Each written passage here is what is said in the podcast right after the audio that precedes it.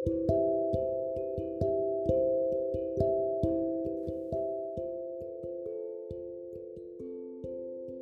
semua, selamat datang di podcast pertama Rangkulan Kata. Semoga bukan rasa sepi yang mengantarmu ke sini ya. Berhubung ini episode pertamaku, jadi aku ingin memberitahu sedikit tentang kenapa nama podcastnya Rangkulan Kata. Filosofinya apa sih? Nah, jadi begini teman-teman, dari namanya aja udah rangkulan. Jadi aku ingin merangkul kalian yang sedang sedih atau sedang butuh seseorang untuk menemani kalian dengan kata-kata. Meski tidak hadir secara langsung di hadapan kalian, aku yakin kekuatan kata bisa menembus ruang dan waktu. Celah, udah kayak apa aja tuh. Nah, di episode pertama ini, aku mau membahas tema yang relatable banget nih. Dirasakan oleh banyak orang juga. Sebenarnya, tema ini lumayan berat untuk aku bahas. Karena tema ini tuh gak bakal ada habisnya deh. Seperti yang sudah kalian lihat di judul, Malam ini aku bakal membahas tentang insecurity. Tentunya ini dari opini aku ya.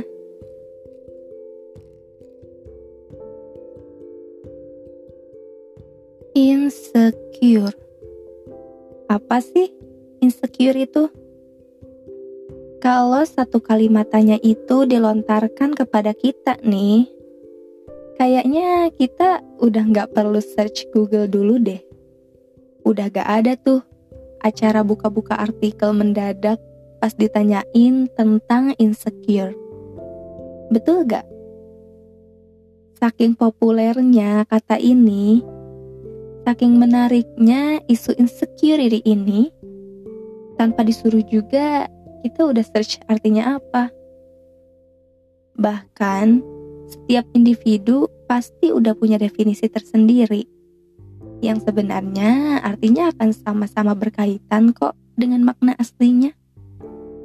Kalau dilihat dari arti katanya ya, itu kan berasal dari kata secure yang artinya nyaman.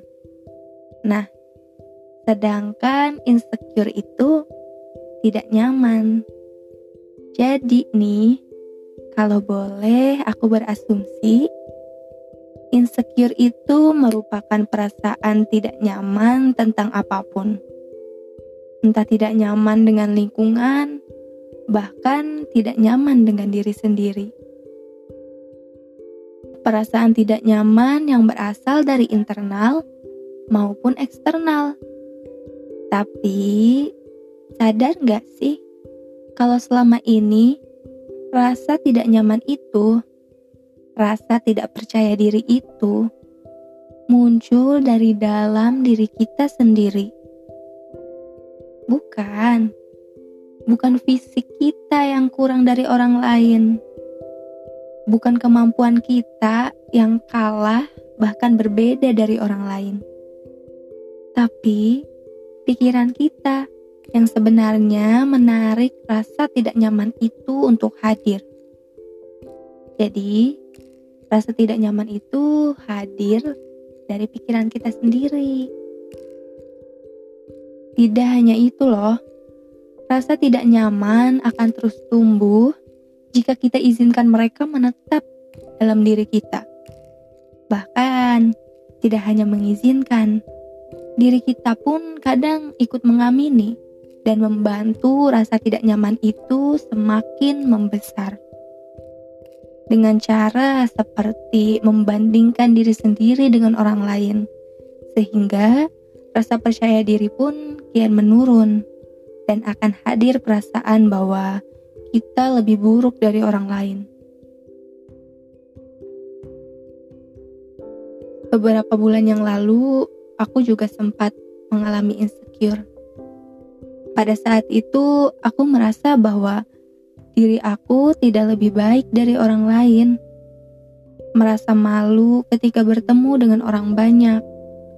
Lebih nyaman menutup diri dan mengurung diri di rumah. Bukan tanpa alasan. Hal tersebut terjadi karena aku tidak bisa menerima kekurangan yang ada pada diriku, serta faktor eksternal yang ikut mempengaruhi. Hmm, kayaknya momen ini adalah waktu yang tepat untuk bercerita. Bukan untuk membandingkan nasib atau menggurui teman-teman. Aku hanya ingin bercerita. Sebenarnya, banyak hal yang membuatku merasa tidak percaya diri, seperti fisik dan akademik. Dulu, aku sering banget membandingkan diri dengan orang lain. Seperti, kok aku gak secantik mereka? Wajahku jerawatan banget. Kulitku tidak seputih orang lain. Bahkan penampilanku jauh berbeda dari orang-orang seusiaku. Karena mindset itu yang selalu tertanam dalam pikiranku, di situlah munculnya rasa rendah diri dalam diriku. Kemudian, faktor eksternal pun ikut serta dalam menghantam benteng pertahananku. Dengan selentingan-selentingan yang berhasil menggugurkan kepercayaan diriku.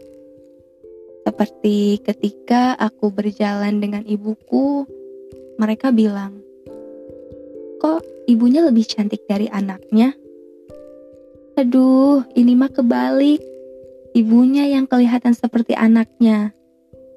Atau, kok muka kamu lebih hitam dari tangannya sih?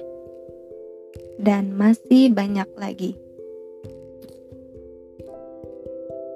Mungkin bagi mereka itu hanyalah lontaran kata atau komentar dari apa yang mereka lihat, yang mana setiap orang memiliki kebebasan untuk berkomentar. Tapi hey, ada hati yang terluka di sana. Tanpa sengaja dan tanpa kalian tahu, hatiku sakit ketika mendengar itu semua. Tapi aku diam. Mungkin kalian akan bilang, Allah baperan. Hmm, lucu memang. Manusia diciptakan sebagai makhluk perasa, dan ketika perasaan itu diungkapkan, yang ada adalah celaan. Memang ya, orang yang memukul tidak akan pernah tahu rasa sakit dipukul itu seperti apa. Kemudian akademik. Ketika aku tidak mencapai goals, membuat kesalahan, mendapatkan hasil yang tidak maksimal, mendapatkan nilai yang buruk, dan setiap kali itu aku menangis di depan cermin dan berkata pada diriku sendiri, bodoh banget loh, itu doang gak bisa. Hal itu aku lakukan setiap hari. Aku menjadi pribadi yang selalu menyalahkan diri sendiri, memaki-maki diri sendiri, karena aku merasa menjadi lebih baik setelah melakukan itu. Bahkan banyak kata yang lebih kasar dari itu. Tempat umpatan itu terdengar lebih baik daripada kalimat, "Kamu hebat, you did your best." Bukan karena aku terlalu ambisius. Itu terjadi karena aku selalu merasa bahwa aku tidak lebih baik dari orang lain. Dan ketika itu benar-benar terjadi,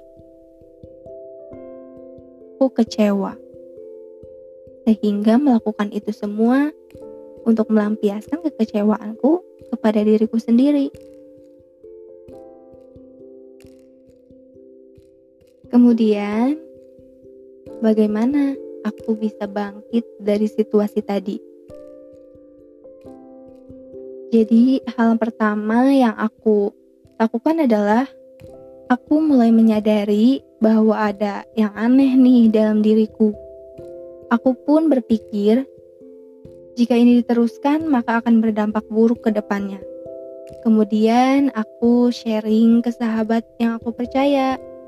Di sini, jika kalian merasa ada hal yang tidak beres dengan diri kalian, atau keresahan apa pun yang kalian rasa tidak bisa dipendam sendiri dan membutuhkan orang lain untuk menjadi ya sekedar pendengar atau kalian membutuhkan saran dari mereka, kalian bisa share kepada orang yang kalian percaya. Entah itu orang tua, sahabat, atau siapa pun itu. Nah, dari sharing itu, sahabatku menasehati aku agar aku menghentikan perbuatan yang tadi. Kemudian aku sadar dan mulai saat itu setiap kali aku memiliki masalah atau aku sedang merasa down, aku selalu mengatakan kepada diriku sendiri di depan cermin bahwa I'm positive and smart. Yang tak lain merupakan sebuah lirik dari lagu yang berjudul Insecurities dari Isabel Foster. Dan banyak kata-kata positif lainnya yang aku utarakan kepada diriku sendiri. Hal itu terbukti efektif. Coba deh, kalian tanamkan pada diri kalian ketika kalian merasa down. Nah, langkah ketiga yang aku lakukan adalah searching tentang mental health pelajari tentang apa itu kesehatan mental dan self love atau mencintai diri sendiri. Insya Allah, nanti kita bahas di next podcast ya. Selain itu juga, uh, ada beberapa hal yang harus dilakukan oleh kita untuk menghindari rasa insecure itu muncul. Yang pertama nih, berusaha untuk berpikir positif. Sebagai contohnya, ketika kalian menghadapi masalah, jangan terlalu dipikir masalahnya, tapi coba cari jalan keluarnya. Aku tahu itu sulit, tapi kalaupun mencari jalan keluar itu dirasa lebih sulit, coba deh kalian ambil hikmahnya. Pasti tahu dong di setiap masalah pasti ada hikmahnya. Nah, dengan begitu, kalian tidak akan membuang-buang energi untuk memikirkan masalah tersebut. Langkah yang kedua adalah jangan menyalahkan diri sendiri. Terkadang dalam hidup, kita akan selalu berada di dalam situasi yang menyedihkan, yang sebenarnya kita nggak ingin itu terjadi. Bahkan membayangkannya saja tidak pernah. Namun, Tuhan menaruh kita pada situasi itu yang mau nggak mau keadaan itu yang membuat itu terjadi gitu atau situasi yang memang sudah seharusnya seperti itu tanpa atau dengan kita turun tangan pun tidak akan merubah banyak hal sama sekali. Maka dari itu, jika kalian ber berada di posisi itu, jangan pernah sekali-kali kalian menyalahkan diri sendiri atau mencari kambing hitam atas terjadinya hal tersebut. Yang ketiga yaitu jangan membandingkan diri dengan orang lain. Ini sudah jelas sekali dari apa yang kalian dengarkan tadi. Membandingkan diri sendiri dengan orang lain tuh bakalan membuat kita menjadi rendah diri. Stop it. Karena aku mengalaminya sendiri guys. Itu nggak baik. Your best the way you are. Jangan bandingkan proses, penampilan, maupun hasil dengan siapa pun itu. Karena bakalan berbeda dan itu mutlak. Dan kalau kalian bertemu dengan orang yang berusaha membandingkan kalian dengan orang lain, Maka jawabannya ada di poin nomor 4 nih, yaitu hindari orang-orang yang membuatmu insecure. Kalau menurut aku, ketika kalian punya teman atau keluarga yang toxic, abuse kalian dengan verbal, langkah pertama yang harus kalian lakukan adalah tegur mereka. Kasih tahu secara tegas bahwa mereka telah melukai hati kalian atau ucapannya itu berpengaruh loh dengan keadaan mental seseorang, tidak hanya kalian. Jika kalian tetap tidak didengar, mereka tetap melakukan itu. It's time to you get out from there cari teman lain atau bahkan sendiri lebih baik aku rasa daripada bareng teman yang membuatmu merasa insecure setiap hari. Dan yang terakhir adalah berbahagialah.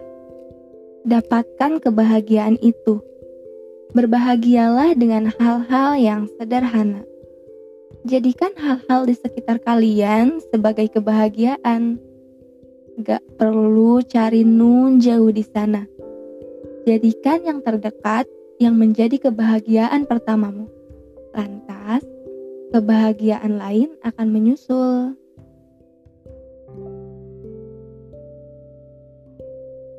Wah, gak kerasa ya, kita sudah sampai di ujung bincang-bincang ini. Terima kasih sudah mendengarkan podcast ini. Semoga aku bisa merangkul kalian melalui rangkulan kata ini. Aku undur diri ya. Sampai jumpa di episode selanjutnya.